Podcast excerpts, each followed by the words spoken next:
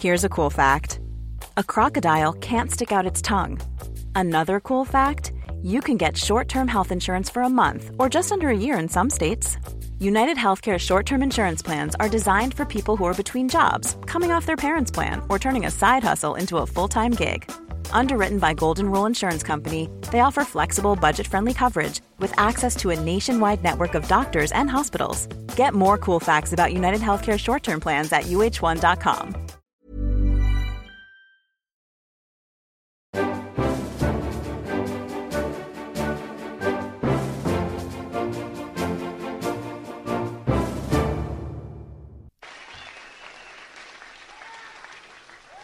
When the Washington lobby has settled on other candidates in this race, when the media in one voice said a conservative cannot win,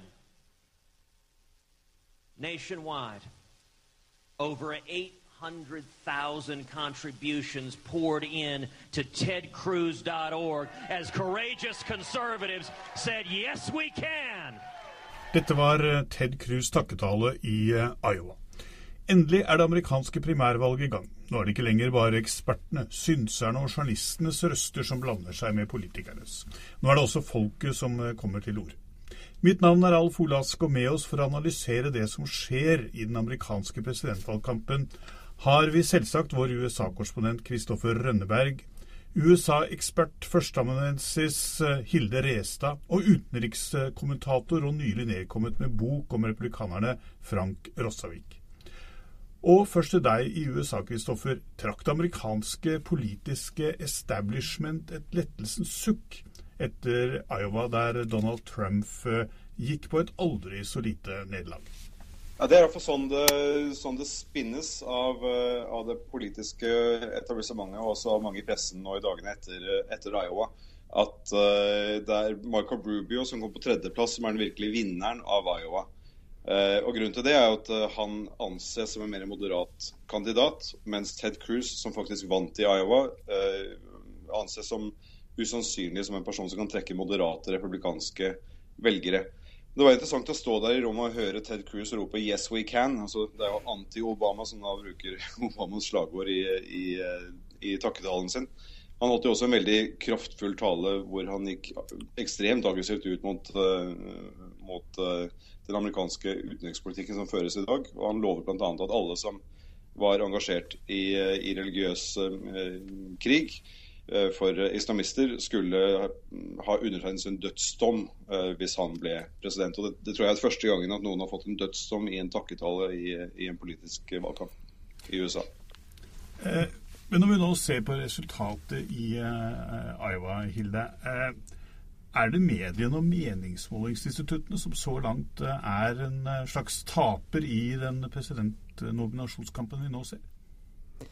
Nei, det tror jeg ikke. Jeg tror ikke folk har løyet når de blir spurt om de liker Donald Trump. Jeg tror det er mange som, som, som liker Donald Trump. Eh, men det er jo forskjell på å like noen å føle entusiasme overfor en person, og det å faktisk gå ut og stemme på den personen. Og det er klart at det Ted Cruz hadde gjort i Iowa, best av alle, var jo at han hadde jobba med eh, det organisatoriske veldig lenge, og veldig målretta eh, jobba mot de kristne eh, konservative. Og de er jo som kjent veldig organisert og veldig flinke til det å, å drive valgkamp. De som liker Trump, er ikke nødvendigvis like organisert, og er heller ikke nødvendigvis republikanere. Men er det eh, Frank, mer støy enn realiteter som vi har sett har vært utslaget når Trump har gått såpass opp, eh, ja, har gått såpass opp på meningsmålingene som det han har gjort? Altså, Vi skal ikke glemme at Donald Trump uh, gjorde det bra i Iowa. Han, uh, han, kom ganske nær Ted Cruz, og det er i en stat hvor, hvor, han egentlig ikke skulle ha gjort det så veldig bra. Han har jo en profil som er feil i forhold til uh, den sammensetningen av den republikanske velgerskaren som vi har i den staten der. Så la oss ikke undervurdere at Donald Trump faktisk gjorde det ganske bra, og han kom, kan komme sterkt tilbake og vinne New Hampshire. Men at Ted Cruz vinner Iowa er jo svært lite overraskende. Det er jo kun eh, enkelte meningsmålinger som har trodd noe annet. Eh, Cruz er gjennomorganisert i Iowa. Han har støttespillere på alle bauger og kanter. Da jeg var i eh, Iowa i november for å drive research til boken min, så fant jeg Ted Cruz-supportere overalt, og ingen Trump-supportere. Men, men, vi skal selvfølgelig ikke, for å komme tilbake til det opprinnelige spørsmålet ditt Ted Cruz har, nei, Donald Trump har ledet på mange meningsmålinger i Iowa, og leder jo veldig stort i New Hampshire, så det er klart at det så litt ut som man var på vei til en sånn Eh, seremoni eh, hvor eh, Donald Trump kom til, kom til, å gå fra seier til seier til seier til seier, og det at han starta med å ikke bli nummer én, er klart at det bremser kanskje litt eh, akkurat den utviklinga, og da er det jo mange i det republikanske partiet som trekker et lettelsens sukk. Men bare for å gå tilbake til, til Marco Ruby her, som fikk tredjeplassen. altså Grunnen til at mange mener at det var viktig at han vant, eller ikke at han vant, men at han gjorde det såpass bra. Han fikk 23% av av stemmene og fikk like mange delegater som, som Donald Trump gjorde fra, fra, Iowa. Det er at alle i etablissementet har ventet på øyeblikket hvor man vender tilbake til en slags normalitet. Fordi det å ha Donald Trump på toppen av meningsmålingen, slik man har hatt eh, både i, i Iowa og, og, i New Hampshire, som nå kommer, kommer om, fem, om, noen, om, noen, dager, og, og på nasjonalt plan, det er en helt unormal situasjon i amerikansk politikk. Så det man har ventet på, er når kommer det en person fra liksom, det gamle republikanske partiet som kan seile fram og, og utfordre det Donald Trump og Ted, Ted, Cruz står for? Og Der tror jeg mange nå håper at det har man funnet i, i Michael Rubio. Ikke Jeb Bush, som alle trodde for et år siden, men i den langt yngre eh, senatoren fra, fra Florida og som er Jeb Bush eh, eh, lærling, nærmest. Og, og, La oss se litt på, på Marco Rubio. Han er sønn av eh, innvandrere fra Cuba. Eh, han er senator fra Florida. Eh, han er et kjent ansikt på høyresiden i amerikansk politikk, men langt fra altså den samme ekstremismen som det man finner hos Cruz og ikke minst Trump. Og Frank, du har i din kommentar etter valget i Iowa nesten gått så langt som allerede å utnevne han til den neste presidenten i USA. Ja, men det gjør jeg til tross for at han eh, ligger mye lenger til høyre enn det vi gir inntrykk av. Altså Han blir framstående som eh, demokrat i sammenligning med Trump og Cruz, men han er jo langt til høyre for, for, for Jeb Bush eh, på alle rimelige parametere, med et mulig unntak for immigrasjonspolitikken.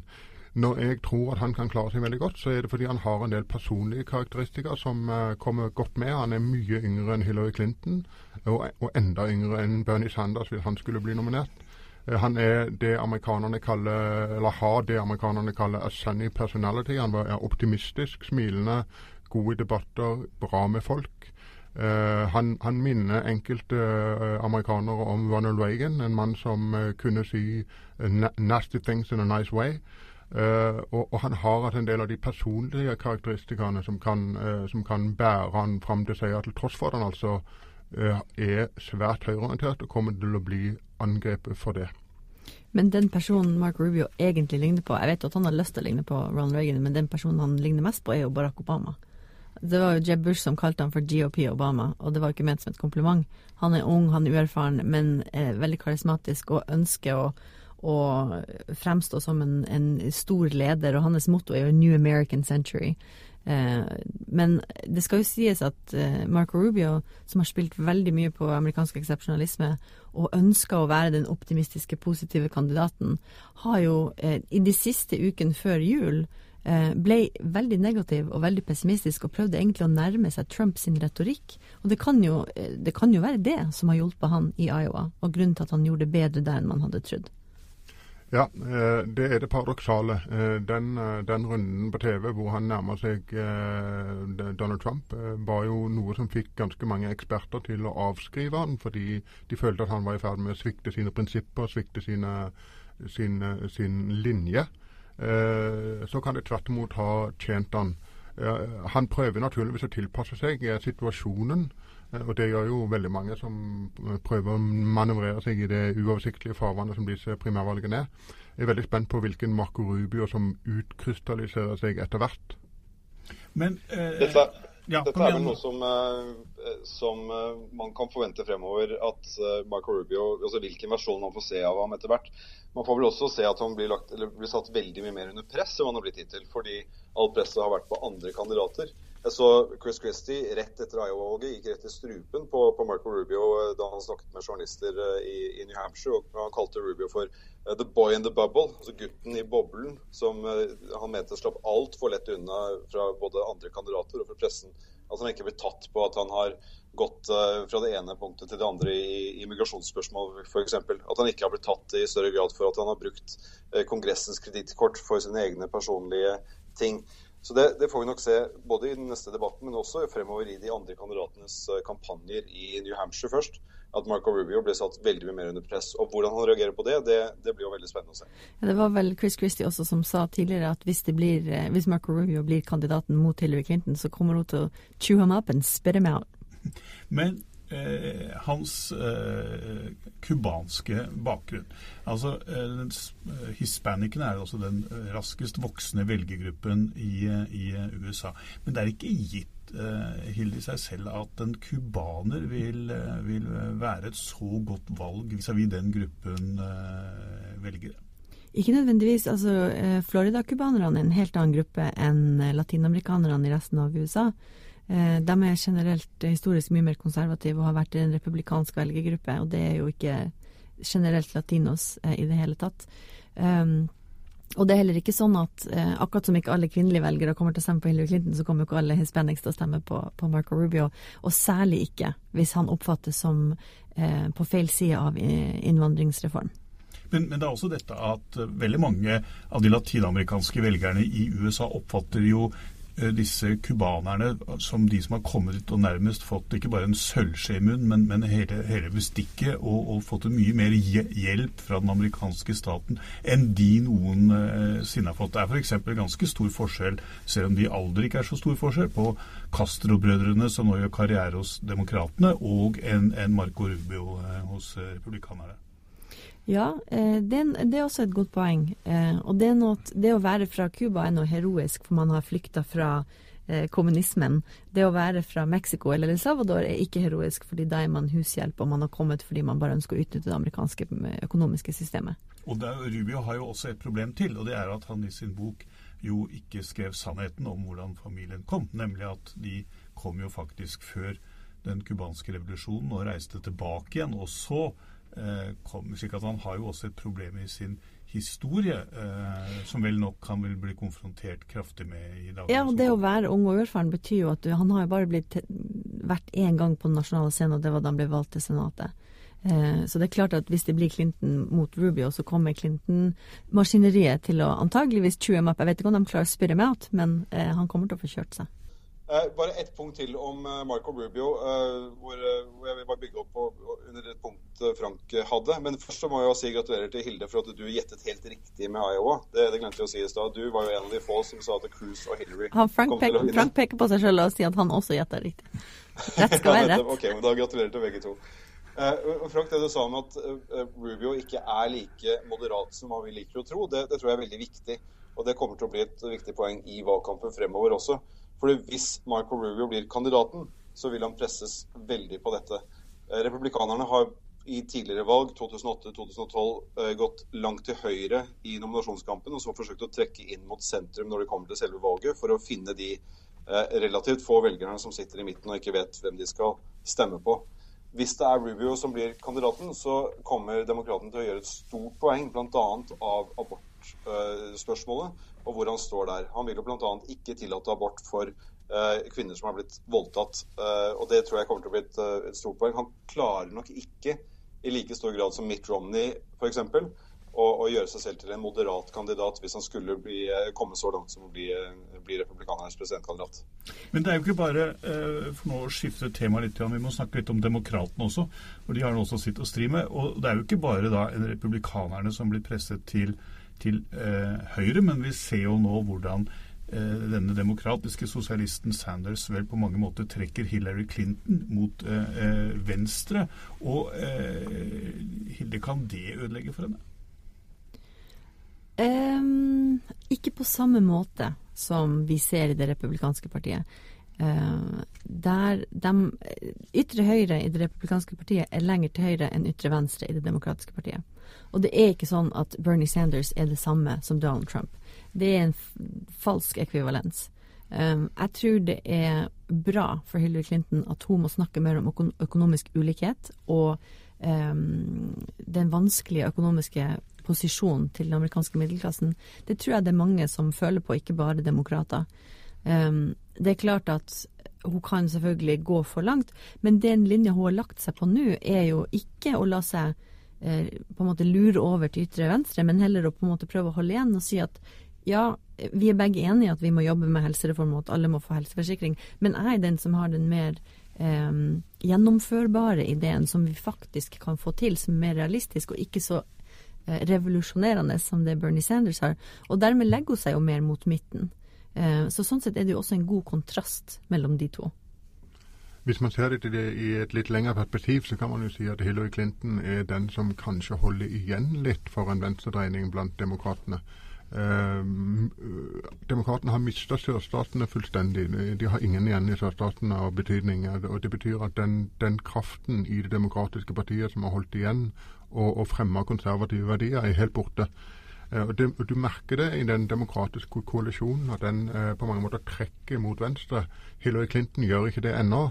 Men uh, hvis, Clinton, hvis, hvis, Hillary hadde vært borte, så tror jeg at, at demokratene kunne ha, kunne ha, trukket en del videre mot venstre. Og jeg tror den neste generasjonen kanskje kan komme til å gjøre det.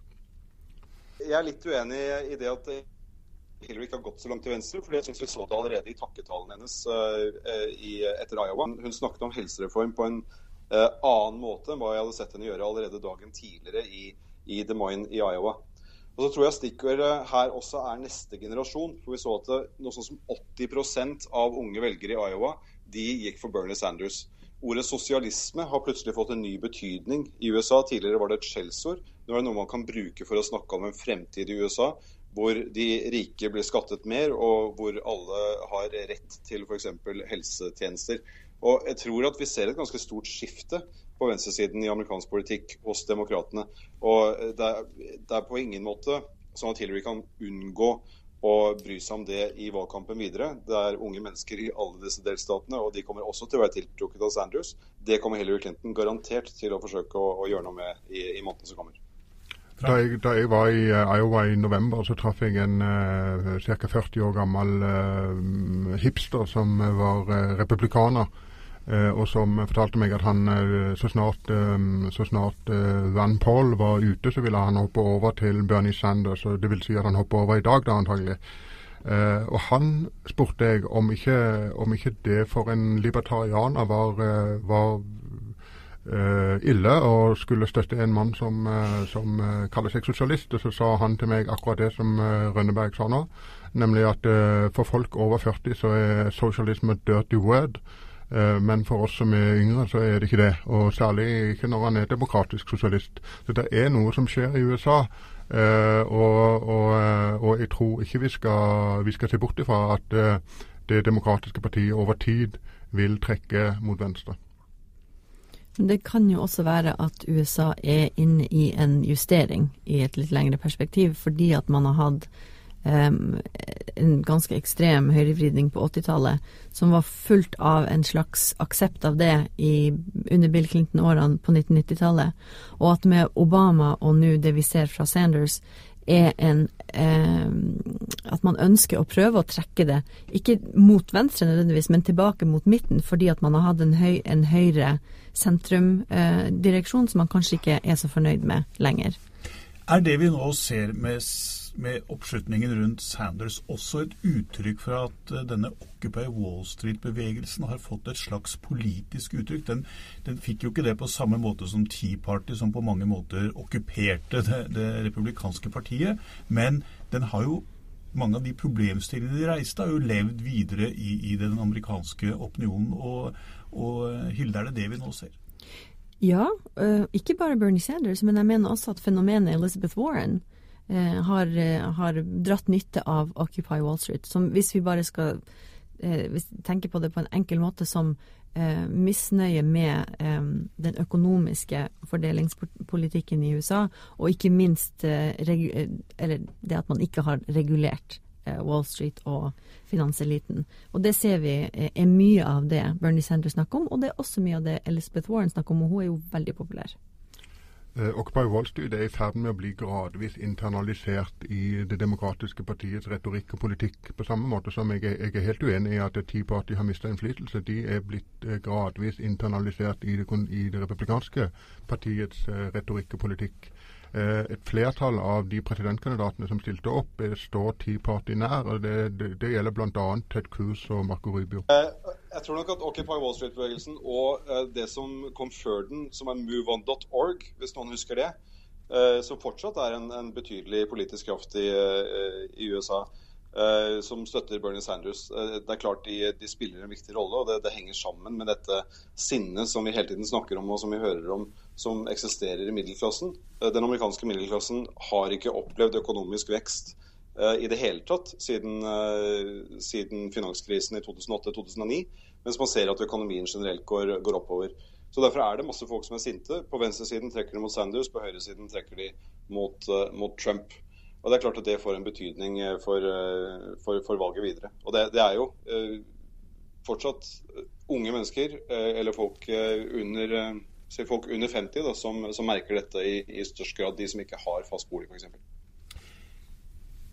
I Iowa så var det nær rekordoppslutning i primærvalget for det for Det demokratiske partiet, og det var eh, rekord med god margin for eh, republikanerne. Sier dette noe om at valgdeltagelsen kan bli høyere enn normalt, og at interessen er betydelig eh, større nå? Hilde først. Det hadde jo vært fint, men eh, altså, i 2008 klarte jo Barack Obama å faktisk øke valgdeltakelsen litt. Det, var vel nesten over 60 eh, Og det, det i seg sjøl var jo uvanlig. Blant annet fordi at han klarte å få unge til å stemme, som jo aldri skjer. Eh, om, man kunne, om, man klarer det igjen, så er det, det, så er det, bra for det amerikanske demokratiet. Jeg håper det skjer. Um, og kanskje skjer det hvis folk føler at det er veldig mye som står på spill, som folk følte i 2008. Men eh, det skjer ikke ofte, og det skal mye til. Og da skal man også være inspirert av kandidatene. Og det er klart at Hillary Clinton er ikke en person som inspirerer massene. Og jeg vet jo ikke hvem som kommer til å stå på andre sida i det valget. Eh, men det er nok Vi har jo ingen kandidat som Barack Obama, uansett hvem det blir. Så jeg vet ikke om vi kommer til å se en, en stor valgdeltakelse. Jeg tror det er veldig viktig eh, poeng, Hilde. og jeg, jeg, har sett det nå, jeg har dekket denne valgkampen i snart et år og reist rundt i USA og snakket med folk. Snakket med masse Bernie Sanders-velgere som sier at det er utelukket for dem å stemme på Hillary Clinton. Det er et fascinerende trekk ved, ved, ved, i alle fall dette valget. Jeg har ikke så mye erfaring at jeg kan si hvor vanlig det er. Men jeg møtte i alle fall svært mange aktivister, glødende aktivister for Ted Cruz eller for Ben Carson eller for noen andre, som, eh, som ikke føl egentlig følte noe særlig tilhørighet til det republikanske partiet. De følte tilhørighet til sin kandidat. Eh, og eh, flere av de ga uttrykk for at hvis ikke min kandidat blir valgt, så er jeg jammen ikke sikker på om jeg vil stemme på det republikanske partiet. Så jeg, jeg tviler på om det blir noe, noe spesielt høy valgdeltakelse. Men man må legge til at dem du har møtt, er nok helt sikkert kristenkonservative. Eh, og dem kan lett bli mobilisert igjen eh, til neste høst hvis de skal, kan stemme mot Hillary Clinton, som er for abort. Mm. Og så er jo Ted Cruz sannsynligvis en vel så god mobiliseringsfaktor som, eh, som Donald Trump for, eh, for demokratene. Absolutt. Eh, han, han, er, han, er, om mulig enda verre. Han er en beinhard ideolog. Han er ekstremt eh, kristen. Eh, og vi skal heller ikke undervurdere han. fordi altså, han, han, vant nå tross alt Iowa. Han har en sterk organisasjon, en veldig dyktig fyr. God valgkamp. Kjemper, valgkjemper. Så eh, la oss ikke glemme Ted Cruz. altså Han, eh, han kan godt eh, overraske. Ja, selv om Iowa har, eh, har, jo vært en forbannelse for republikanerne tidligere, med Santorum i 2012 og, og, Huckabee i 2008. og Mike Huckabee i, i 2008. De kom jo ikke særlig mye lenger enn Iowa. Da må vi sette strek for denne ukens sending av Aftenposten Verden.